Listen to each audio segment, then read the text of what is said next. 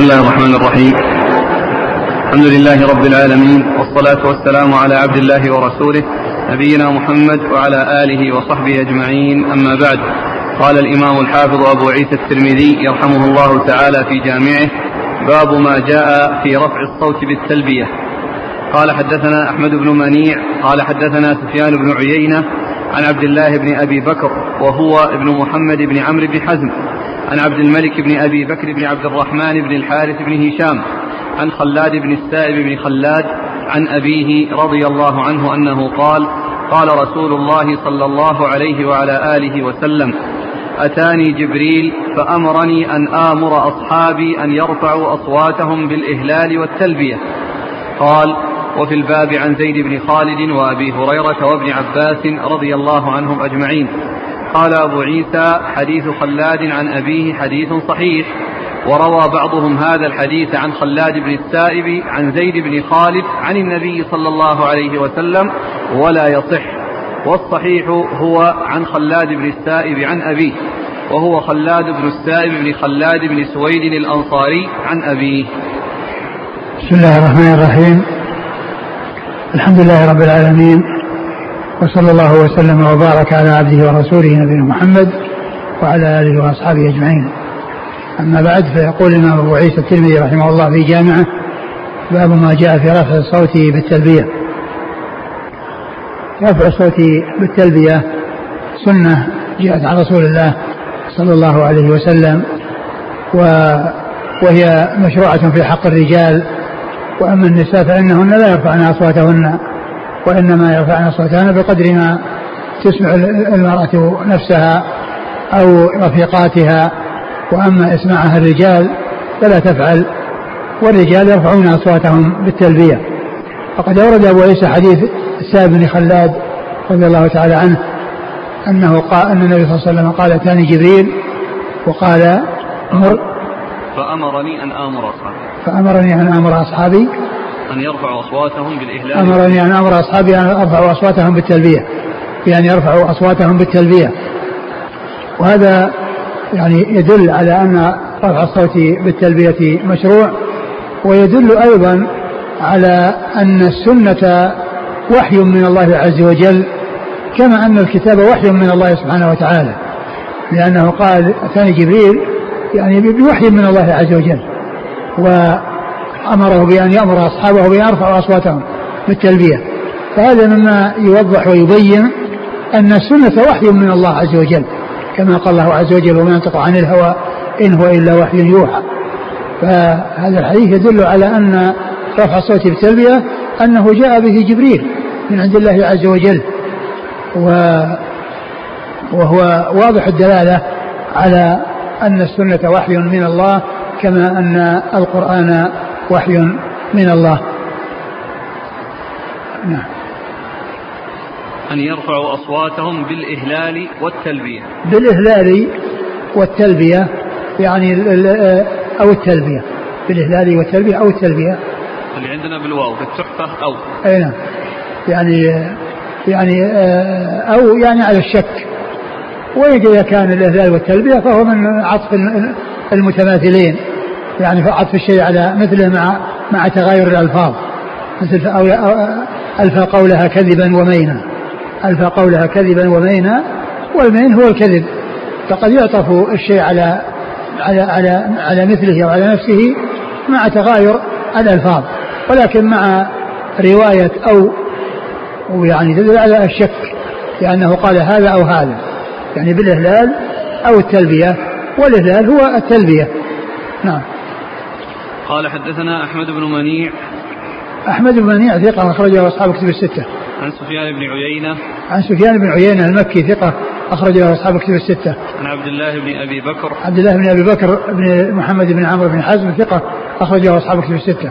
عن عبد الملك بن أبي بكر بن عبد الرحمن. عبد الملك بن أبي بكر بن عبد الرحمن وهو ثقة أخرجه أصحاب كتب الستة. عن خلاد بن السائب. خلاد بن السائب ثقة أخرج له أصحاب السنن. نعم.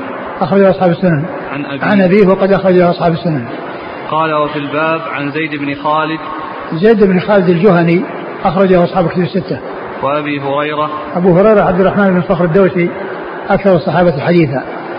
وابن عباس.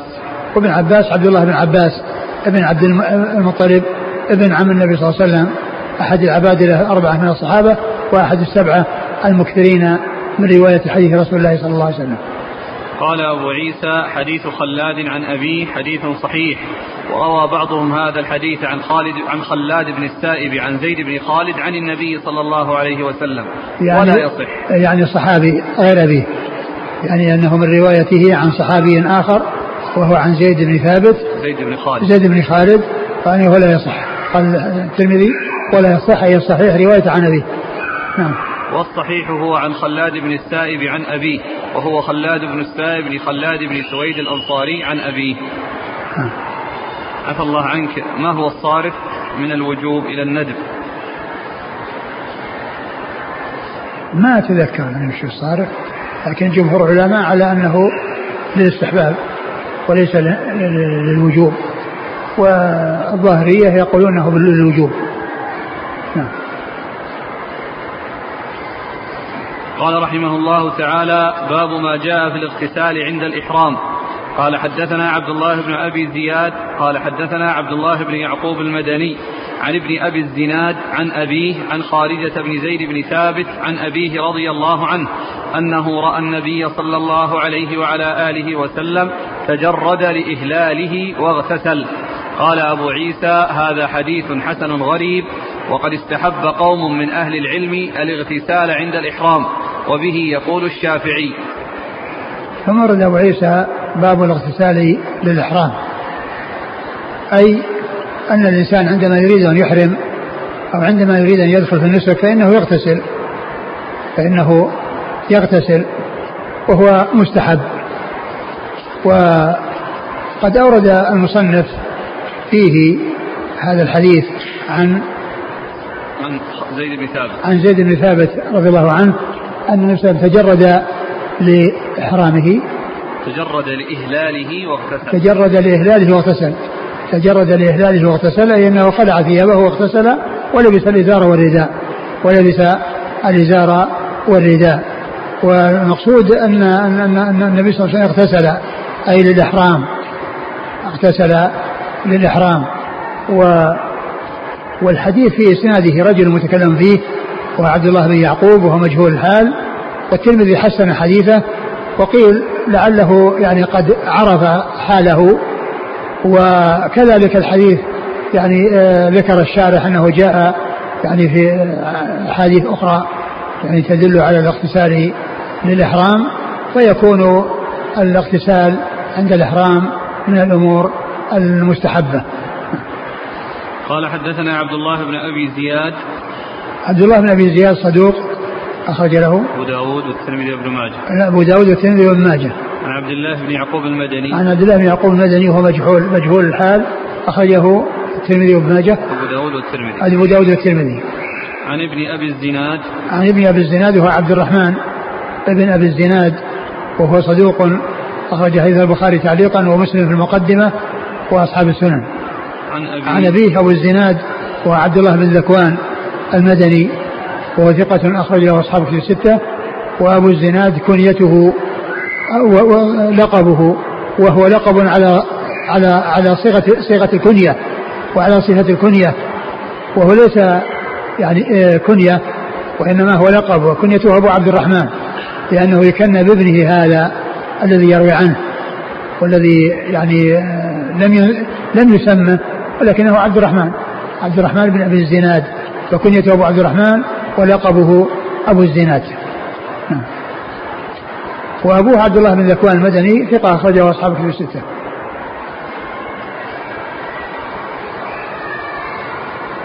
قلنا البخاري تعليقا مسلم في المقدمة؟ ها؟ عبد الله بن ذكوان. عبد الله بن ذكوان. أبو الزناد. أبو الزناد أبو الزناد عبد الله بن ذكوان. إيه، قلنا البخاري تعليقا مسلم في المقدمة. لا هذاك عبد الرحمن. الابن هو بيروي عن أبيه؟ أي نعم. هذا. عن خارجة بن زيد بن ثابت. خارجة بن زيد بن ثابت ثقة. أحد فقهاء المدينة السبعة في عصر التابعين. اخرج له أصحاب كتب الستة. عن أبي. عن أبيه زيد بن ثابت صحابي رضي الله عنه اخرج له أصحاب كتب الستة. قال أبو عيسى هذا حديث حسن غريب وقد استحب قوم من أهل العلم الاغتسال عند الإحرام وبه يقول الشافعي. نعم. قال رحمه الله تعالى باب ما جاء في مواقيت الإحرام لأهل الآفاق. قال حدثنا أحمد بن منيع قال حدثنا إسماعيل بن إبراهيم عن أيوب عن نافع عن ابن عمر رضي الله عنهما أن رجلا قال من أين نهل يا رسول الله؟ قال يهل أهل المدينة من ذي الحليفة وأهل الشام من الجحفة وأهل نجد من قرن قال ويقولون وأهل اليمن من يلملم. قال وفي الباب عن ابن عباس وجابر بن عبد الله وعبد الله بن عمرو رضي الله عنهم أجمعين. قال أبو عيسى حديث ابن عمر حديث حسن صحيح والعمل على هذا عند أهل العلم. ثم ورد أبو عيسى باب ما جاء في مواقيت الإحرام. والمراد بالمواقيت الأماكن التي يكون الإحرام منها والتي إذا مر بها الإنسان يحرم منها ولا يتعداها إلا وهو محرم إذا كان يريد حجا أو عمرة. إذا كان متجها إلى مكة يريد حجا أو عمرة فيتعين عليه أن يحرم منها. وإذا لم يحرم منها فيعني وكان متعمدا فإنه يأثم وعليه فدية عليه دم. وإن كان جاهلا أو ناسيا وأحرم فإنه معذور. ولكنه عليه الفدية. ولكن عليه الفدية. فإذا المواقيت هي الأماكن المحيطة بالحرم من جهات مختلفة والتي إذا مر بها الحاج والمعتمر لا يتجاوزها إلا وهو محرم. لأن النبي صلى الله عليه وسلم لما وقت المواقيت قال هن لهن ولمن أتى عليهن من غير أهلهن ممن أراد الحج أو العمرة. ومن كان دون ذلك فمن حيث أنشأ حتى أهل مكة من مكة. وعلى هذا فإن آآ آه، آآ آه، هذه المواقيت هي الأماكن التي يتعين على كل معتمر أو قارن آه، معتمر أو حاج أن لا يتجاوزها إلا وقد أحرم وإن تجاوزها غير محرم وحصل بعد ذلك فإن كان متعمدا أثم وعليه الفدية وإن كان غير متعمد فإنه لا يأثم والفدية آه، تلزمه. وقد أورد أبو عيسى حديث عبد الله بن عمر بن الخطاب رضي الله عنهما أن الرسول صلى الله عليه وسلم سئل من أين يهل المحرم؟ فقال عليه الصلاة والسلام آه، يهل أهل المدينة منذ الحليفة يهل أهل المدينة منذ الحليفة وأهل الشام من الجحفة وأهل القرن وأهل نجد من قرن وأهل ويقولون إن أهل أن, أن, أن يهل أهل اليمن من يلملم وقوله يقولون قول عبد الله بن عمر يقولون لأنه لم يفقه هذه عن الرسول صلى الله عليه وسلم أو لم يحملها عن الرسول صلى الله عليه وسلم ولكنه سمعها من غيره. ولكنه سمعها من غيره. وقد جاءت في حديث ابن عباس مصرحا بها من غير إضافة إلى أحد لأن ابن عباس لما ذكر المواقيت قال وأهل اليمن من يلملم فإذا هذا الذي قال فيه ابن, عب ابن عمر يقولون والذي لم آه، يعني آه، يتحقق من سماعه من رسول الله صلى الله عليه وسلم وإنما أضافه إلى غيره ونسبه إلى غيره آه، جاء عن ابن عباس من غير نسبته إلى أحد أو من غير شك في سماعه فيكون أو تكون تلك المواقيت كلها ثابتة عن رسول الله صلى الله عليه وسلم. وجاء أيضا بالإضافة إلى ما تقدم ذات عرق لأهل العراق. و وجاء في ذلك أحاديث عن رسول الله صلى الله عليه وسلم. وجاء عن عمر رضي الله عنه أنه لما فتح آه لما مصرت النصران الكوفة والبصرة وسئل من أين يحرمون؟ وقالوا أنهم يعني آه آه إن قرنا جور عن طريقهم يعني بعيد لو ذهبوا إليه حصل عليهم مشقة فقال انظروا حذوها من طريقكم فجعل فصارت ذات عرق هي المكان المحاذي. فهذا يدل على أن هذا من اجتهاد عمر. والأحاديث ثبتت عن رسول الله صلى الله عليه وسلم في تحديد ذات عرق فيكون الجمع بينها أن عمر رضي الله عنه لم يبلغه آه، توقيت الرسول صلى الله عليه وسلم وتحديده ذات عرق لأهل العراق ولكنه اجتهد وأصاب الحق وكانت هذه من جملة آه، موافقاته للحق فإنه رضي الله عنه وأرضاه يجتهد في بعض المسائل ثم إن اجتهاده يكون مطابقا للحق وتسمى موافقات عمر.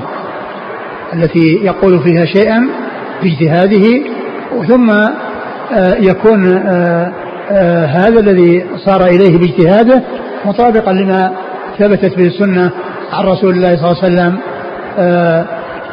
وذلك في أشياء كثيرة يعني منها أشياء أشار بها عن الرسول صلى الله عليه وسلم مثل الحجاب ومثل اتخاذ مقام إبراهيم مصلى ومثل أسارى بدر وكذلك أيضا في قصة الطاعون الذي حصل في الشام واستشار الصحابة ولم يكن عندهم علم عن رسول الله صلى الله عليه وسلم واجتهد وعزم على الرجوع ثم أخبره عبد الرحمن بن عوف بأنه آه، أخذ الحديث في ذلك عن رسول الله صلى الله عليه وسلم فكان اجتهاد عمر مطابقا لما آه، جاء عن رسول الله صلى الله عليه وسلم فيكون هذا من من هذا القبيل.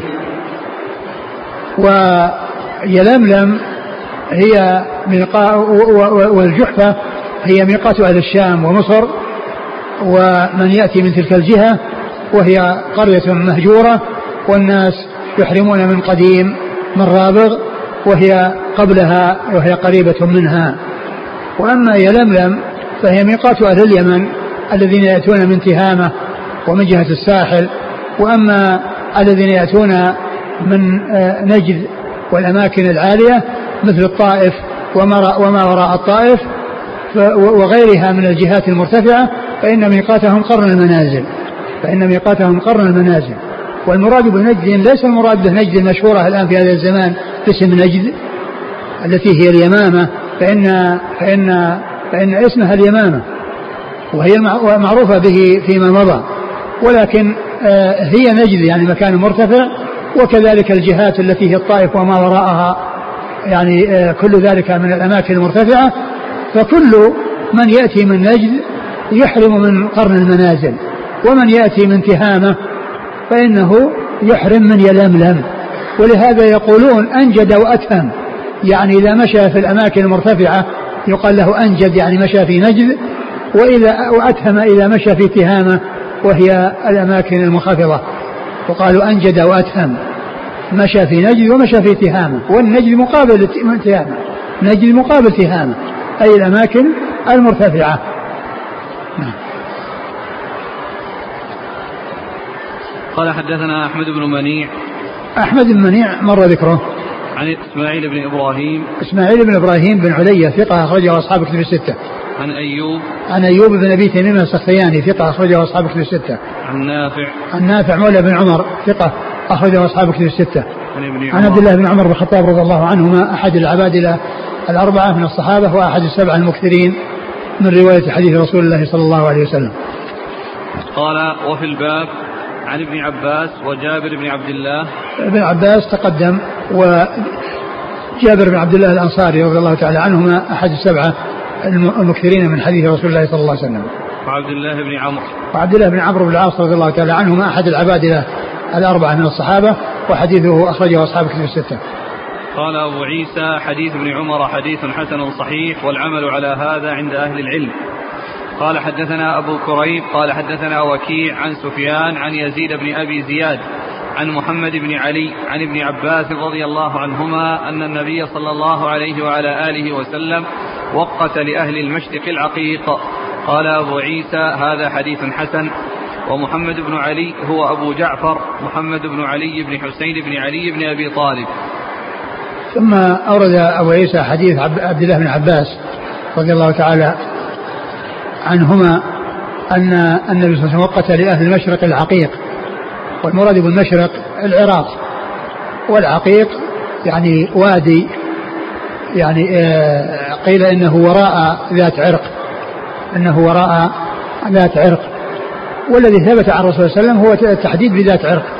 وكذلك يعني جاء عن عمر باجتهاده الموافق للسنة كما تقدمت الإشارة إليه. وأما تحديد هذا الحديث الذي جاء فيه ذكر العقيق ففي إسناده يزيد بن أبي زياد وهو ضعيف وفيه أيضا الانقطاع بين محمد بن عبد الله محمد بن محمد بن علي بن عبد الله بن عباس وهو لم يعني يسمع من جده ولم يثبت سماعه من جده عبد الله بن عباس وكذلك أيضا آه، آه، مخالفته للأحاديث الأخرى التي تدل على التوقيت بالعقيق بذات عرق وأنها هي ميقات أهل العراق فالحديث ضعيف وغير صحيح. نعم. قال حدثنا أبو كريب. آه، أبو كريب هو محمد بن العلاء أبو كريب ثقة أخرجه أصحابه في الستة. عن وكيع. عن وكيع بن الجراح الرؤاسي الكوفي ثقة أخرجه أصحابه في الستة. عن سفيان عن سفيان الثوري سفيان بن سعيد المسروق الثوري ثقة فقيه أخرجه أصحاب كتب الستة. عن يزيد بن أبي زياد. عن يزيد بن أبي زياد وهو ضعيف أخرج له. البخاري تعليقا ومسلم وأصحاب السنن. البخاري تعليقا ومسلم وأصحاب السنن. عن محمد بن علي. عن محمد بن علي وهو محمد بن علي بن عبد الله بن عباس وهو ثقة أخرجه أصحاب كتب الستة. مسلم. نعم. وأصحاب السنن. نعم. مسلم. مسلم وأصحاب السنن. عن عبد الله بن عباس رضي الله عنه وقد مر ذكره. نعم. قال أبو عيسى هذا حديث حسن ومحمد بن علي هو أبو جعفر. محمد بن علي بن حسين بن علي بن أبي طالب. هو ليس محمد بن, بن علي بن حسين وإنما هو محمد بن علي بن, عباس بن عبد الله بن عباس. وقد جاء ذلك مسمى ومنسوبا في مسند الإمام أحمد وأيضا آه، في تحفة الأشراف. وليس لمحمد بن علي بن حسين رواية عن ابن عباس في تحفة الأشراف. بل الذي له رواية بل آه، آه، الذي له رواية هو آه، حفيده عن ابن عباس محمد ولكنه غير متصل. والمزي ذكر هذا يعني في في من رواية محمد بن علي بن عبد الله بن عباس. وأما محمد بن أبي الحسين فإنه ليس له رواية في صحيح الإشراف ليس له في رواية في الكتب الستة عن ابن عباس. فيكون يعني هذا الذي جاء عند الترمذي والذي قال محمد بن علي أن هذا وهم لأن هذا ليس له رواية عنه والذي جاء في مسند الإمام أحمد مسمى بأنه محمد بن علي بن حسين آه، بن عباس.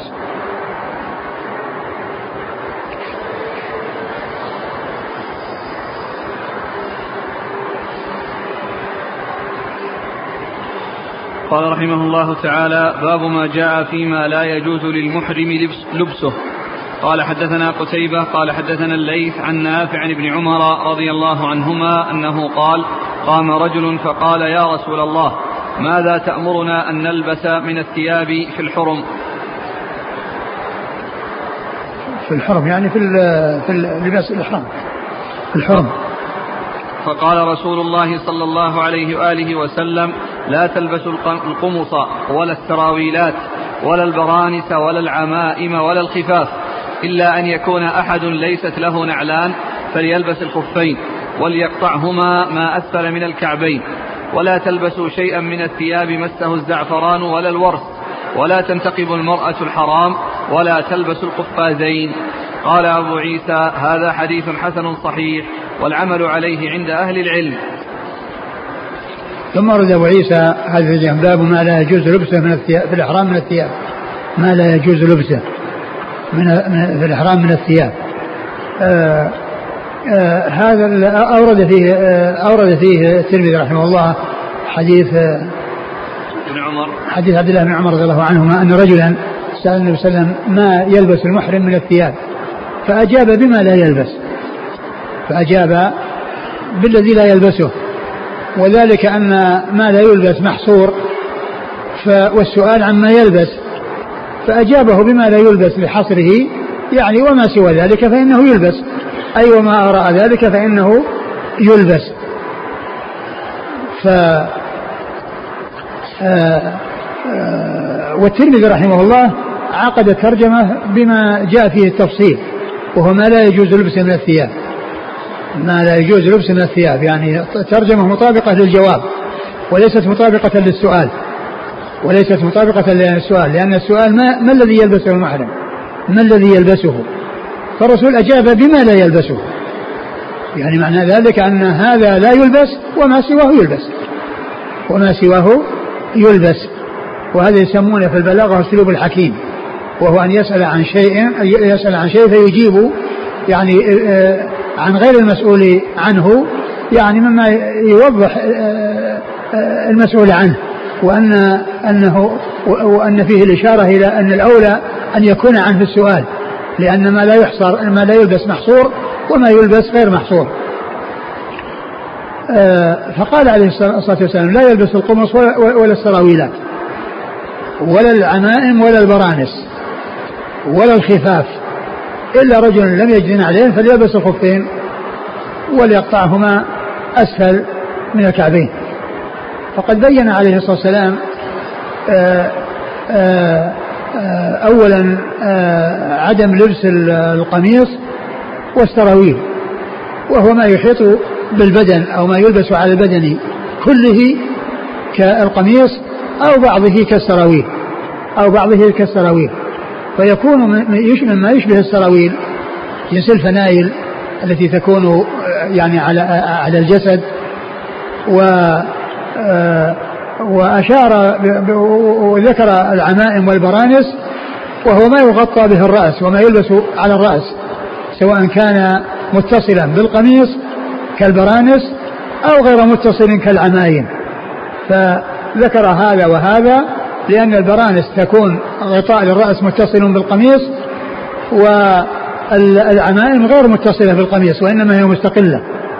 فيلحق بذلك كل ما يغطي الرأس مما كان متصلا بالقميص أو منفصلا عنه. مثل الطواقي ويعني غيرها كل كلها تدخل. كل ما يغطي الرأس فإنه لا يلبس سواء كان متصلا بالقميص أو منفصلا عنه. ثم قال ولا الخفاف. وهي ما يغطي القدمين بما في ذلك الكعبان.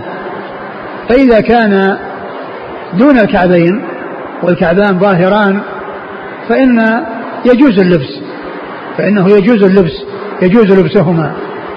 ومن لم يجد نعلين ومن لم يجد نعلين فليلبس الخفين أي التي تغطي الكعاب ولكن يقطعها حتى تكون أسفل من الكعبين حتى تكون أسفل من الكعبين. هذا جاء في حديث عبد الله بن عمر رضي الله تعالى عنهما. وقد جاء في حديث ابن عباس الذي آه يعني آه سيأتي. وقد أخرجه أيضا البخاري ومسلم. أن النبي صلى الله عليه وسلم قال من لم يجد إزارا فليلبس السراويل ومن لم يجد عليهم فليلبس الخفين. ولم يقل ولم يقطعهما. وكان ذلك في خطبته في حجة الوداع. وقد شهدها الناس وسمعوها وتفرقوا في الآفاق. وحديث ابن عمر كان في المدينة قبل الحج. حديث ابن عمر كان قبل الحج. فبعض أهل العلم قال بأنه يقطع آه، ما فوق الكعبين فيحمل المطلق على المقيد. حديث ابن عباس الذي ليس فيه ذكر آه، القطع يحمل على حديث ابن عباس الذي فيه القطع. وبعض أهل العلم قال إنه لا يقطع لأن النبي صلى الله عليه وسلم قال ذلك آخر الأمر وقد حضر خطبته الناس من جميع الآفاق فلو كان القطع لازما لبينه لهم الرسول صلى الله عليه وسلم وهذا آخر الأمرين من رسول الله عليه الصلاة والسلام. فيكون ناسخا.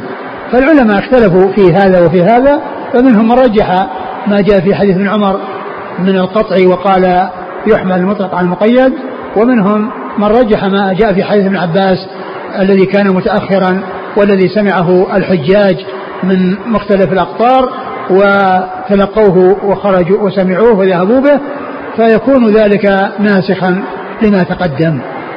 والذي يظهر والله أعلم أنه لا يقطع يلبسه بدون قطع لأنه ذكر الإزار من لم يجد يلبس السراويل ومن لم يجد النعلين يلبس الخفين. نعم. ولا تلبسوا شيئا من الثياب مسه الزعفران. ولا تلبسوا شيئا من الثياب مسه الزعفران والورص لأن هذا من الطيب لأن هذا نوع من الطيب. وهذا يدل على أن المحرم لا يستعمل الطيب يعني يعني لا في جسده ولا في ثيابه. لا يستعمل في جسده ولا في ثياب الإحرام. ولكن يجوز للمحرم أن يتطيب قبل أن يحرم على جسده لا في ليس في ثيابه وإذا بقي بعد الإحرام فإن ذلك سائر لأن هذا مما آه، يجوز استدامة لا ابتداء. فالمحرم لا يتطيب ابتداء وهو محرم ولكن يتطيب قبل أن يحرم وإذا بقي الطيب بعد الإحرام فإنه يبقى لا يلزمه غسله ولا يلزمه مسحه بعد الإحرام. لأنه يجوز في الاستدامة ما لا يجوز في الابتداء. ما لا يجوز في الابتداء. ليس الإنسان يبتدئ التطيب بعد الإحرام ولكن إذا وجد طيب قبل الإحرام على جسده فإنه يبقى. لأن النبي صلى الله عليه وسلم كان آه، آه، طيبة عائشة قبل أن يحرم وكانوا يرون وميص المسك على مفرقه صلى الله عليه وسلم وهو محرم عليه الصلاة والسلام. فدل على أن الاستدامة آه، استدامة الشيء الذي قبل الإحرام أن أن أنه سائق وإنما الذي لا يجوز هو الابتداء. وأما الثياب فلا يطيبها الإنسان. لا قبل الإحرام ولا بعد الإحرام. ولا تنتقب المرأة الحرام ولا تلبس القفازين والمرأة المحرمة تلبس مثل ما آه، آه، الأشياء التي منع منها الرجال هي غير ممنوعة منها إلا فيما يتعلق بالطيب فإنها ممنوعة من الطيب كما يمنع الرجال. وأما تغطية رأسها وتغطية جسدها وتغطية قدميها في اللباس فإن لها ذلك وإنما تخالف الرجال في وإنما توافق الرجال مما تقدم بالامتناع من الطيب. بالامتناع من الطيب وأيضا لا تلبس المرأة المحرمة النقاب والبرقع ولا تلبس القفازين اللذين هما على قدر اليدين فإن المرأة ممنوعة من ذلك ممنوعة من الانتقاب وممنوعة من لبس القفازيز ولكنها تغطي وجهها عند الرجال الأجانب بدون انتقاب أو أو تبرقع وإنما بخمار كما جاء عن عائشة رضي الله عنها أنهن وكنا مع رسول الله صلى الله عليه وسلم آه، آه، في الطريق إذا حاذاهن الركبان سدلت إحداهن خمارها على وجهها فإذا جوزوها جوزوهن كشفنا خمرهن من وجوههن ووضعنه على رؤوسهن فدل على أن المرأة تغطي وجهها ولكن بغير البرقع وبغير النقاب وإنما يكون بالخمار نعم. قال حدثنا قتيبة قتيبة ابن سعيد بن جميل بن طريف البغلاني ثقة أخرج له أصحاب كتب الستة. عن الليث الليث بن سعد المصري ثقة فقيه أخرج له أصحاب كتب الستة. عن نافع عن نافع مولى بن عمر ثقة أخرج له أصحاب كتب الستة. عن ابن عمر عن ابن عمر وهو وقد مر وقد مر ذكره. قال أبو عيسى هذا حديث حسن صحيح والعمل وهذا وهذا من الرباعيات. نعم. قال أبو عيسى هذا حديث حسن صحيح والعمل عليه عند أهل العلم. نعم. قال رحمه الله تعالى باب ما جاء في لبس السراويل والخفين للمحرم إذا لم يجد الإزار والنعلين قال حدثنا أحمد بن عبدة الضبي البصري قال حدثنا يزيد بن زريع قال حدثنا أيوب قال حدثنا عمرو بن دينار عن جابر بن زيد عن ابن عباس رضي الله عنهما أنه قال سمعت رسول الله صلى الله عليه وعلى آله وسلم يقول المحرم إذا لم يجد الإزار فليلبس السراويل وإذا لم يجد النعلين فليلبس الخفين. قال حدثنا قتيبة قال حدثنا حماد بن زيد عن عمر عن عمرو نحوه. قال وفي الباب عن ابن عمر وجابر. قال أبو عيسى هذا حديث حسن صحيح والعمل على هذا عند بعض أهل العلم. قالوا إذا لم يجد المحرم الإزار لبس السراويل وإذا لم يجد النعلين لبس الخفين وهو قول أحمد. وقال بعضهم على حديث ابن عمر عن النبي صلى الله عليه وآله وسلم إذا لم يجد النعلين فليلبس الخفين وليقطعهما أسفل من الكعبين. وهو قول سفيان الثوري والشافعي وبه يقول مالك. ثم ورد أبو عيسى باب لبس لبس السراويل عند لبس السراويل والخفين للمحرم إذا لم يجد الإزار والنعلين. لبس السراويل والخفين للمحرم إذا لم يجد الإزار والنعلين. أو هذا أورد في حديث ابن عباس الذي قاله النبي صلى الله عليه وسلم وهو في عرفة وأن من لم يجد إزارا فليلبس السراويل ومن لم يجد عليه فليلبس الخفين ولم يقل فليقطعهما. وهذا هو الذي عول عليه بعض أهل العلم وقال إنه ناسخ لأنه جاء متأخرا. وبعضهم آه، قال بحديث ابن عمر يتقدم واعتبر هذا الثاني مطلقا والأول مقيدا فيحمل المطلق على المقيد. نعم. قال حدثنا أحمد بن عبدة الضبي البصري. أحمد بن عبدة الضبي البصري ثقة أخرج حديثه البخاري. مسلم وأصحاب السنة. مسلم وأصحاب السنة. عن يزيد بن زريع. يزيد بن زريع ثقة أخرجه أصحاب كتب الستة. عن أيوب. أيوب بن تميم بن أبي تميم السختياني ثقة أخرجه أصحاب كتب الستة. عن عمرو بن دينار. عمرو بن دينار المكي ثقة أخرجه أصحاب كتب الستة. عن جابر بن زيد. عن جابر بن زيد أبو الشعثاء وهو ثقة أخرجه أصحاب كتب الستة. عن ابن عباس. عن ابن عباس رضي الله تعالى عنهما وقد مر ذكره قال حدثنا قتيبة قال حدثنا حماد بن زيد حماد بن زيد ثقة أخرجه أصحاب كتب الستة. عن عمرو نحوه. نعم. قال في الباب عن ابن عمر وجابر. نعم. قال أبو عيسى هذا حديث حسن صحيح والعمل على هذا عند بعض أهل العلم قالوا إذا لم يجد المحرم الإزار لبس السراويل وإذا لم يجد النعلين لبس الخفين وهو قول أحمد يعني من غير قطع يعني لبس الخفين لبس الخفين يعني من غير قطع. كما جاء في حديث ابن عباس. نعم. وقال بعضهم على حديث ابن عمر عن النبي صلى الله عليه وسلم إذا لم يجد نعلين فليلبس الخفين وليقطعهما أسفل من الكعبين. وهو قول سفيان الثوري والشافعي وبه يقول مالك. نعم. قال رحمه الله تعالى باب ما جاء في الذي يحرم وعليه قميص أو جبة. قال حدثنا قتيبة قال حدثنا عبد الله بن إدريس عن عبد الملك بن أبي سليمان عن عطاء عن يعلى بن أمية رضي الله عنه أنه قال رأى النبي صلى الله عليه وعلى آله وسلم أعرابيا قد أحرم وعليه جبة فأمره أن ينزعها. ثم ورد أبو عيسى باب في الذي يحرم وعليه قميص أو جبة. باب في الذي يحرم عليه قميص أو جبة.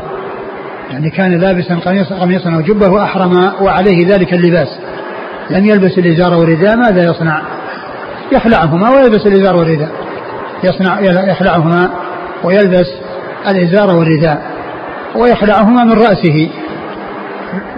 يعني لا يقال إنه يشقهما حتى لا يغطي رأسه وهو محرم وإنما يخلعهما من رأسه. وقد جاء في بعض الروايات ما يدل على ذلك. اخلعهما فخلعهما من رأسه. وأورد في ذلك حديث يعلى بن أمية يعلى نعم. يعلى بن أمية رضي الله تعالى عنه أن رجلا قال النبي صلى الله عليه وسلم أعرابيا قد أحرم وعليه جبة فأمره أن ينزعها. رأى النبي صلى الله عليه وسلم أعرابيا قد أحرم وعليه جبة فأمره أن ينزعها. يعني ويلبس لباس الإحرام. أمره أن ينزعها يعني ويلبس لباس الإحرام.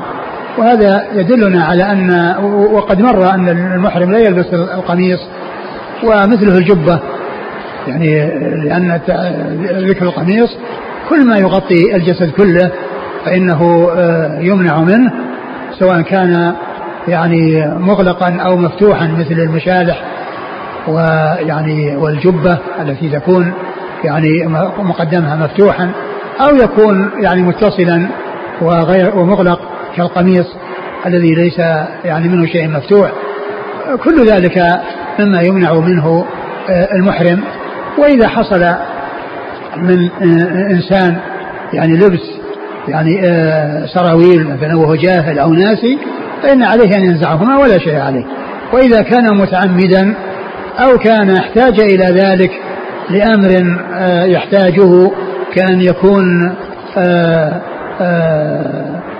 مضطر إلى لبس شيء آه، آه، فإنه يلبسه وعليه الفدية. يعني من اضطر إلى أن يغطي رأسه يغطيه وعليه الفدية. ومن آه، اضطر إلى أن يلبس يعني الثياب فإنه آه، يلبس عليه الفدية. وذلك لأن يكون مثلا برد شديد وليس عنده شيء يدفئه ويخشى على نفسه فإنه يلبس عليه الفدية. والفدية آه، مخير بين ثلاث أشياء. صيام ثلاث أيام أو إطعام ستة مساكين أو ذبح شاة كما جاء آه، مبينا عن رسول الله صلى الله عليه وسلم. نعم. قال حدثنا قتيبة عن عبد الله بن إدريس. عبد الله بن إدريس الأودي ثقة أخرجه أصحاب الكتب الستة. عن عبد الملك بن أبي سليمان. عبد الملك بن أبي سليمان صدوق. له أوهام. له أوهام أخرجه البخاري تعليقا ومسلم وأصحاب السنن عن عطاء. عن عطاء بن أبي رباح المكي ثقة أخرجه أصحاب الكتب الستة. عن يعلى بن أمية. عن يعلى بن أمية رضي الله عنه أخرج حديثه أصحاب الكتب الستة. قال حدثنا ابن أبي عمر قال حدثنا سفيان عن عمرو بن دينار عن عطاء عن صفوان بن يعلى عن أبيه رضي الله عنه عن النبي صلى الله عليه وآله وسلم نحوه بمعناه وهذا أصح وفي الحديث قصة. ثم ورد الحديث من طريق أخرى من رواية يعلى بن أمية عن عن ابنه صفوان. وقال إن هذا أصح يعني من رواية غير ابنه عنه.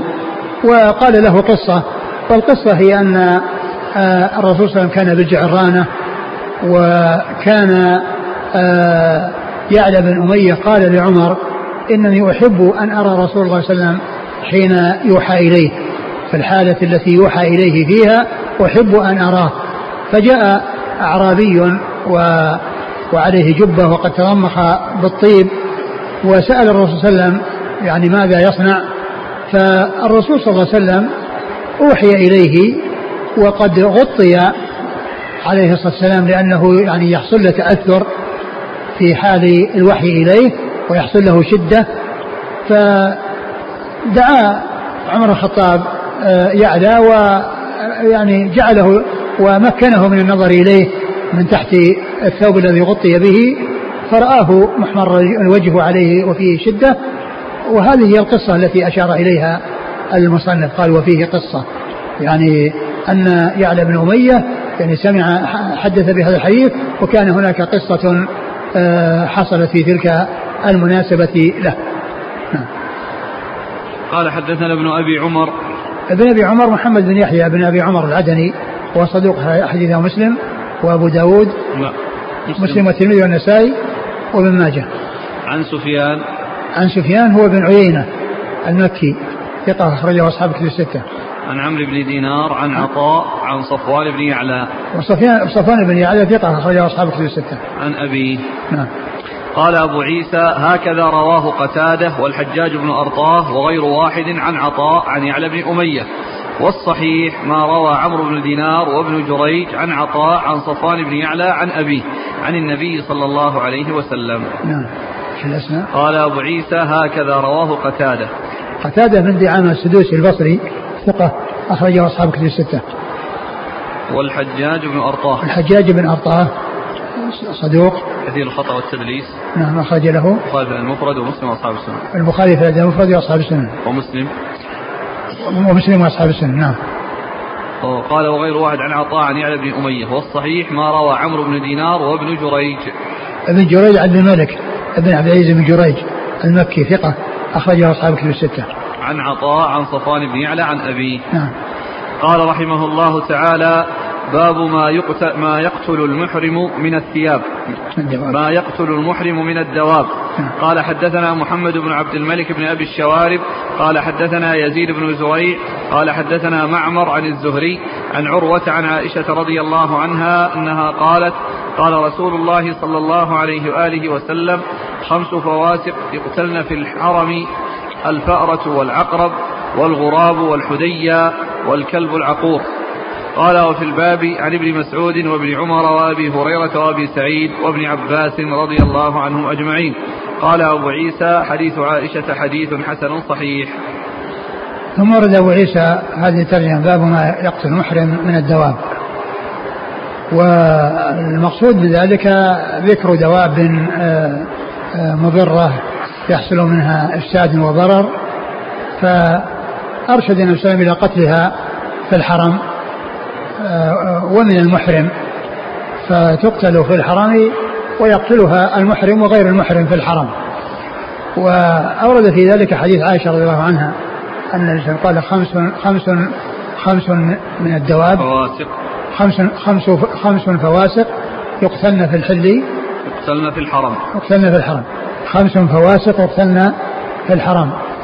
يعني آه ذكر الخمس آه يعني آه هذا فيه آه تقديم فيه فائدة وهي أن السامع يتطلع إلى ذكر ذلك المعدود وكذلك آه، التمكن من استيعابه وعدم فوات شيء منه. فلو نقص عليه شيء عرف أنه فلو, فلو فاته شيء عرف أنه نقص عليه لأن العدد ذكر أول. فإذا لم يأتي هذا المعدود مطابقا للعدد معناه أنه نقص عليه شيء. فمن فوائد ذكر العدد قبل المعدود أن السامع آه، يحرص على أن يحيط بالمعدود حتى يكون مطابقا للعدد وحتى لا يفوته شيء من ذلك ال ال ال ال الذي جاء في العدد. وهذا كثيرا ما يأتي في أحاديث الرسول الكريم صلى الله عليه وسلم بأن يذكر العدد أولا ثم يذكر المعدود بعد ذلك. وجاء حديث كثيرة ثلاث وأربع وخمس واثنتان مثل ما جاء في حديث آه، كلمتان حبيبتان للرحمن خفيفتان على اللسان ثقيلتان في الميزان. سبحان الله وبحمده. سبحان الله العظيم. فإن هذا ذكر آه، شيئين في أول الأمر وفي أحاديث ذكر ثلاثة أشياء. وفي بعضها ذكر أربعة أشياء وفي ذكر في هذا الحديث الذي فيه ذكر, خمسة. وهذه الخمسة هي العقرب. الفأرة والعقرب. الفأرة والعقرب و ومن باب أولى الحية لأنها أخطر منها والفأرة والعقرب. والغراب والغراب قد جاء في حديث الأبقع والحدية و والكلب العقور. والكلب العقور. هو كل كل سبع مفترس آه، لأنه يطلق عليه آه، كلب. وقد جاء في في القاموس أن الكلب العقور كل آه، كلب كل سبع مفترس. كل سبع مفترس. وغلب على هذا النابح. وغلب على النابح يعني الكلب الذي ينبح غلب عليه إطلاق الكلب. وإلا فإنه يطلق على كل الحيوانات المفترسة مثل الذئب والفهد وغير ذلك من الأشياء التي تفترس كلها تدخل تحت كلمة الكلب. فقوله صلى الله عليه وسلم والكلب العقور آه الكلب في اللغة يشتمل على كل حيوان مفترس ولكنه غلب إطلاقه على هذا الكلب الذي ينبح. والكلب الذي ينبح والكلاب يعني ليست كلها مفترسة هذه التي تنبح. الكلاب التي تنبح ليست كلها يعني وإنما قال العقور. يعني فمن الكلاب النابحة ما لا يكون عقورا فهذا لا يقتل وإنما يقتل المؤذي المفسد الذي يضر ويخشى منه الضرر. نعم. قال حدثنا محمد بن عبد الملك بن أبي الشوارب. محمد بن عبد الملك بن أبي الشوارب صدوق أخرجه مسلم والترمذي والنسائي بن ماجه. أخرجه مسلم والترمذي والنسائي بن ماجه. عن يزيد بن زريع. يزيد بن زريع ثقة أخرجه أصحاب الكتب الستة. عن معمر. عن معمر بن راشد الأزدي البصري ثم اليماني ثقة أخرجه أصحاب الكتب الستة. عن الزهري. عن الزهري محمد بن مسلم بن عبيد الله بن شهاب الزهري ثقة فقيه أخرجه أصحاب الكتب الستة. عن عروة. عن عروة بن الزبير بن العوام ثقة فقيه أحد فقهاء المدينة السبعة في عصر التابعين أخرجه أصحاب الكتب الستة. عن عائشة. عن عائشة أم المؤمنين رضي الله عنها وأرضاها الصديقة بنت الصديق وهي واحدة من سبعة أشخاص عرفوا بكثرة الحديث عن النبي صلى الله عليه وسلم. قال وفي الباب عن ابن مسعود ابن مسعود عبد الله بن مسعود الهذلي أخرج حديث أصحاب الكتب الستة.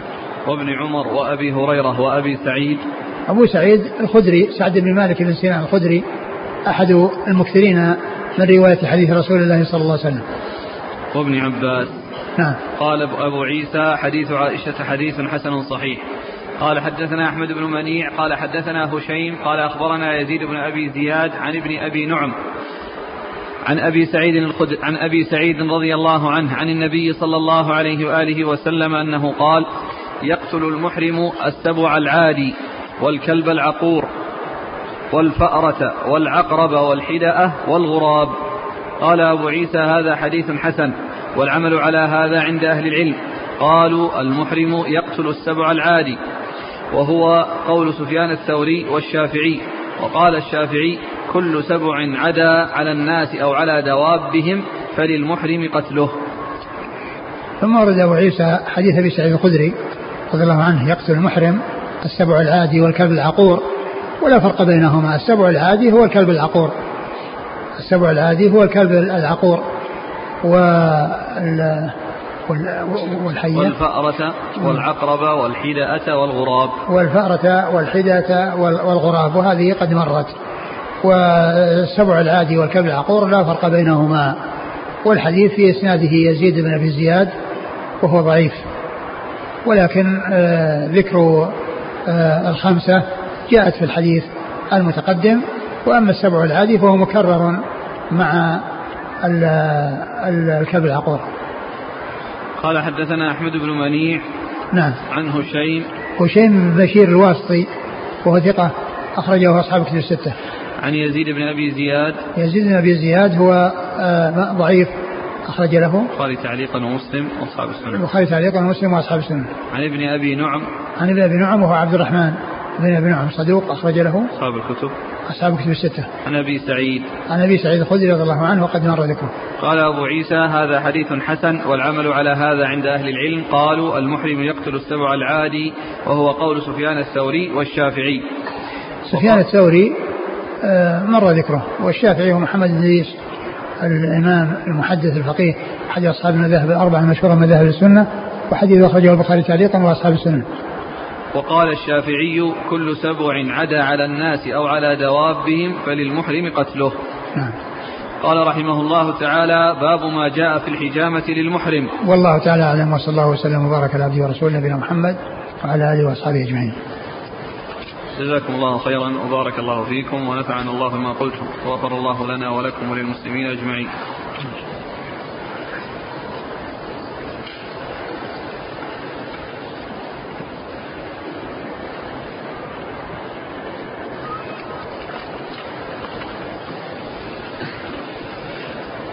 يقول السائل كيف نجمع بين حديث رفع الصوت بالتلبية وقوله صلى الله عليه وسلم يا أيها الناس اربعوا على أنفسكم فإنكم لا تدعون أصم ولا غائبا.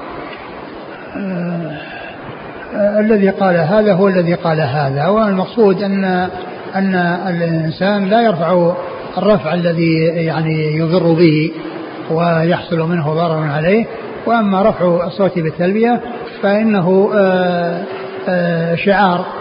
من شعارات الحج وهو أن آه، آه، أن ترفع يرفع الصوت بها وينبه الناس بعضهم بعض في تلبية فيكون الغافل يتنبه يعني إذا سمع من يلبي فيلبي آه، فيكون في ذلك فائدة في رفع الصوت حتى ينبه بعض ينبه بعض الناس بعض ثم أيضا يعني هذا الذي قال هذا هو الذي قال هذا. يقول السائل هل المرأة إذا كانت مع محارمها لها أن ترفع صوتها بالتلبية؟ نعم لها أن تسمعهم لكن لا ترفع صوتها بحيث يعني يذهب إلى يعني إلى غيرهم وأما من كان معها من النساء ومحارمها فلها أن تسمعهم. هل الاغتسال عند الإحرام يكون كالغسل من الجنابة؟ نعم يكون كالغسل الجنابة يعني معناه أنه يفيض الماء على سائر جسده وأنه آه، ينظف نفسه يعني مستوعب. ومعلوم أن غسل الجنابة يكون بالوضوء ويكون بصب الماء على نفسه من غير أن يتوضأ. كل ذلك يحصل به آه، الغسل الجنابة. يقول فضيلة الشيخ اغتسال النبي صلى الله عليه وسلم في الحج عند الإحرام أليس من كان من الجنابة؟ ما هناك شيء يدل على هذا. ما هناك شيء يدل على هذا. يقول بعض الحجاج يأتون بالطائرة وعند مرورهم على الميقات يكون بعضهم نائما. فهل عليه شيء؟ نعم عليه شيء. إذا تجاوز وهو نائم ثم أحرم بعد التجاوز فإنه أحرم بعدما تجاوز الميقات. يقول هل يمسح المحرم على الخفين اللذين دون الكعبين؟ لا ما يمسح عليهما. إذا كان ما دام أن الكعبان يعني بارزتان فلا يمسح إلا على ما يغطي الكعبين. يقول هل يعفى عن التبان للمحرم كما ثبت عن عائشة؟ يقول في صحيح البخاري. آه ذكر السراويل جاءت في هذا الحديث فلا يلبسها الإنسان لا قصيرة ولا طويلة. وإذا كان الإنسان يحتاج لأمر يعني آه، لا بد منه فإنه يستعمل ويعمل فدية. وهذا كما ذكر يعني ثابت عن عائشة رضي الله عنها. عن إيش؟ يقول ثبت عن عائشة أنه يعفى عن التبان. والله الذي يظهر الإنسان ما يستعمل ما يستعمل يعني شيء يعني آه، يغطي يعني شيء من جسده كالسراويل. وكالفنايل وغيرها لا طويل ولا قصير. يقول ما هو ميقات أهل السودان وأفريقيا عموما من غير أهل مصر؟ آه، أهل السودان يحرمون من البحر فإن كانوا أقرب إلى جهة الجنوب فمن محاذاة يلملم وهم في البحر وإذا كانوا أقرب إلى جهة الشمال فمن محاذاة الجحفة وهم في البحر. إذا كان النقاب الذي تلبسه المرأة مسدولا على وجهها وله فتحة للعينين وليس مشدودا شدا على الوجه فهل يجوز أن تلبسه عند الإحرام؟ لا تلبس المرأة أي نقاب ولا أي برقع يقول السائل أحيانا نمر بالطائرة على الميقات ونحن نريد العمرة وإحرامنا في الحقائب فكيف؟ آه آه عليهم أن يستعدوا للإحرام قبل أن آه، يعني آه، يقلعوا من أماكنهم التي خرجوا منها. وأيضا يمكنهم أن يستعدوا للإحرام بأن يغتسلوا وهم في بلدانهم قبل أن يركبوا الطائرة ويتجردوا من من ثيابهم ويلبسوا أزرهم وأرديتهم ويركبون بالطائرة. وهم عليهم الأزر والأردية. فإذا حاذوا الميقات فإنهم يدخلون في الإحرام يدخلون في الإحرام. وأما إن كانوا سيأتون إلى إلى جدة ثم يأتون المدينة فإنهم يحرمون المدينة ولا شيء عليهم. وأما إن أحرموا بعد تجاوز الميقات فإن عليهم فدية. فإن عليهم فدية. ولكن بإمكان الواحد منهم إذا كان يعني آه، ما ليس معه الإحرام أنه يخلع ثوبه ويرتدي به يخلع ثوبه ويرتدي به. ويجعل على يعني كتفيه إذا كان على غترة أو شيء يفعل هذا حتى يصل. لأن هذا يمكن أن أن يستعمل لأنه ليس لبس مخيط. لأن لبس المخيط أن يلبسه على هيئته. وأما أن يتزر بقميص ويجعله إزارا له فإن ذلك سائغ. فإذا احتيج إلى هذا لا بأس به. ولكن كما ذكرت الاستعداد في البلد والاغتسال وخلع الثياب ولبس الإزار والرداء ويركب الإنسان الطائرة وعليه إزاره ورداءه وإذا حل الميقات أحرم هذا هو الذي ينبغي. وإن كان لن يدخل مكة وإنما سيأتي المدينة فلا بأس لأنه لن يدخل مكة محرما وسيحرم من ميقات وهو ميقات المدينة. ولكن إن كان سيذهب إلى مكة وليس معه ولا يتجاوز يعني وأراد أن آه، فإنه يلبس كما قلت يعني فيها ثوبه يخلعه ويجعله إزارا له ويصح. يقول لماذا وصفت هذه الدواب بأنها فواسق يعني لخطرها وإفسادها فيلتحق بها كل ما كان مثلها. يقول ما هي الحدية؟ الحدية طائر. أقول طائر معروف بهذا الاسم. ما الحكمة من منع التطيب؟ للمحرم لأن ال ال لأن فيه ترفه. لأنه من الترفه والمحرم ممنوع من الترفه والتزين وكونه يلبس الثياب الجميلة أو يعني غير الجميلة هو كذلك يتطيب نعم. يقول إذا تكرر الاغتسال من الحاج بعذر التبرد أو للتنظف وهو محرم. هل هل في ذلك حرج؟ ما في بأس أبد. الإنسان المحرم له أن يغتسل. المحرم له أن يغتسل للتبرد وكذلك إذا حصل الجنابة لا بد من ذلك وللتبرد له أن يفعل ذلك. يقول جاء في كلام أئمة الجرح والتعديل في ترجمة يزيد بن أبي زياد أنه يزيد في حديثه. هل يمكن أن يحكم على قوله السبع العادي أنها من زياداته؟ في ترجمته؟ قالوا في ترجمتي أنه يزيد في حديثه لا هو قالوا أنه يعني كان كان اختلط و إيش فلم يميز. إيش في ترجمة إيش قال فيه؟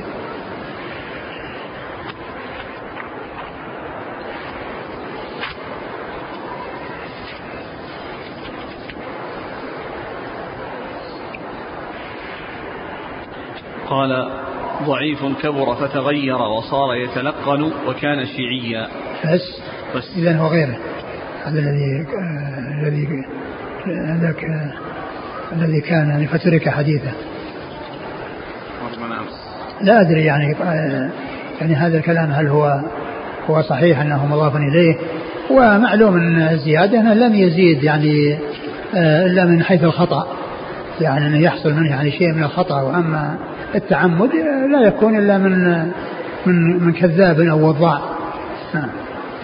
وذاك أحسن الله إليك ليث بن أبي سليم.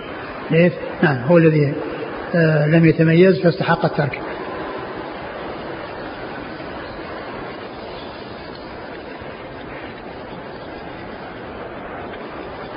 يقول آه، في الحديث يا أيها الناس اربعوا على أنفسكم هل يمكن أن يكون قرينة في صرف الأمر برفع الصوت بالتلبية إلى الندب. آه، ما, ما ليس بواضح لأن ذاك يعني آه، الرسول صلى الله عليه وسلم قاله يعني في مناسبة غير مناسبة التلبية يعني كانوا يعني يدعون ويرفعون أصواتهم بأصوات مرتفعة. فقال لهم ما قال وقال اربعوا على أنفسكم يعني هونوا على أنفسكم لا تشقوا على أنفسكم بهذا بهذا التكلف ورفع الصوت. ولكن هذا شيء أرشد إليه الرسول صلى الله عليه وسلم. فإذا هذا شيء نهي عنه وهذا شيء أمر به. يقول السائل هل المسافر في البحر يقصر في الصلاة؟ البر والبحر حكمهما سواء. السؤال الثاني يقول المحرم بالحج أو العمرة وعليه صلاة مفروضة بماذا يبدأ؟ بالصلاة الفائتة أم بالطواف؟ إيش؟ إيش؟ المحرم بالحج أو العمرة وعليه صلاة مفروضة بماذا يبدأ؟ بالصلاة الفائتة أم بالطواف؟ الإنسان الذي عليه صلاة يبادر بها من حين يذكرها. هذا إذا كان المقصود من ذلك أنه نام عن صلاة أو نسيها فليصليها إذا ذكرها لا كفارة لها إلا ذلك. لا كفارة لها إلا ذلك. آه، آه، أما آه، كون الإنسان يعني يدخل الحرم وما تذكر إلا هو في الحرم ف فكونه يعني يبادر إلى أن يؤدي الصلاة أولا فإنه يصليها مثل ما إذا جاء الإنسان والصلاة حاضرة فإنه يصلي فإنه يصلي وإنما بدء بالطواف لمن يريد دخل وأراد أن يبدأ بالطواف. وأما من جاء والصلاة يعني ستقام أو أن أو أنه متعب ويريد أن يستريح فله أن يجلس وبعد ذلك يأتي بالطواف. لكن الذي دخل المسجد وعليه الصلاة المفروضة وتذكرها عند دخول المسجد يصليها إذا دخل المسجد لأن قول سلام فليصليها إذا ذكرها لا كفارة لها إلا ذلك. وأما إذا كان ذكرها قبل ذلك فإنه يصليها حين يذكرها. يقول هل هناك فرق بين قتل الفئران التي تقطن المدن والتي تقطن البوادي بحيث أن فأر البوادي يسمى بالجرذي وهو لا يؤذي؟ بخلاف الفئران في المدن فإنها فواسق مفسدة. الجرذي هو كبار الفأر. الجرذي هو كبار الفأر. وكلها مؤذية وإنما التي تكون في البر وهي تشبه الفأر ولكنها تختلف عنه هو اليربوع وهذا صيد هذا يؤكل. ويعني يتميز ويختلف عن الفأر بقصر القدمين وطول الرجلين وقصر اليدين وطول الرجلين وهو صيد. فذاك لا يجوز صيده. وأما الفأر مطلقة فإنها تقتل. كل ما كان فأرا سواء كان جرذيا أو غير جرذي فإنه يقتل. جزاكم الله خيرا وبارك الله فيكم.